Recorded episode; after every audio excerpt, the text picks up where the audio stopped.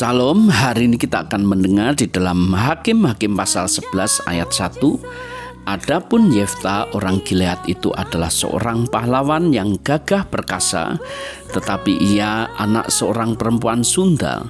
Ayah Yefta ialah Gilead. Amin. Saudara Yefta pasti tidak bisa memilih atau menolak.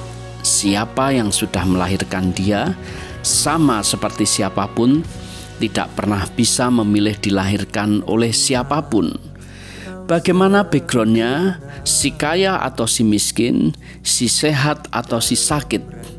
Saudara, di dalam kehidupan, kalau ada hal-hal yang tidak bisa dipilih kecuali kita harus menerimanya dan menghadapinya, mengapa kita harus larut di dalam penolakan, kekecewaan, dalam kesepian? Hadapi sebab pilihan untuk berubah ada di tangan masing-masing. Yefta dilahirkan oleh perempuan Sunda. Di ayat 2, Yefta diusir oleh keluarganya sendiri. Saudara, hidup bukanlah sebuah kebetulan. Ada hal-hal yang sulit kita ungkap. Mengapa Yefta dilahirkan seperti itu? Mengapa Tuhan tidak kasihan dengan keadaan seperti itu dan lain sebagainya.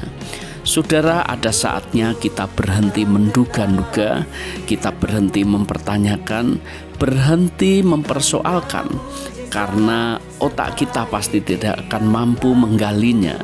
Berpikirlah bahwa yang apa yang diizinkan Tuhan pasti ada maksudnya. Saudara Yepta dipersiapkan Tuhan untuk membebaskan bangsa Israel dari cengkeraman bangsa Amon. Di dalam Hakim-hakim pasal 11 ayat 5, dan ketika Bani Amon itu berperang melawan orang Gilead, pergilah para tua-tua Gilead menjemput Yefta dari tanah Top. Saudara hidup bukanlah sebuah kebetulan, Tuhan tidak mengenal gagal produk. Semua ada tujuannya, semua ada maksudnya.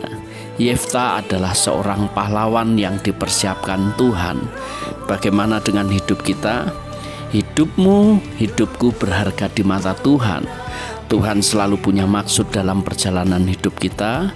E, percayalah, teruslah hidup dalam semangat indah rencana Tuhan di dalam kehidupan kita.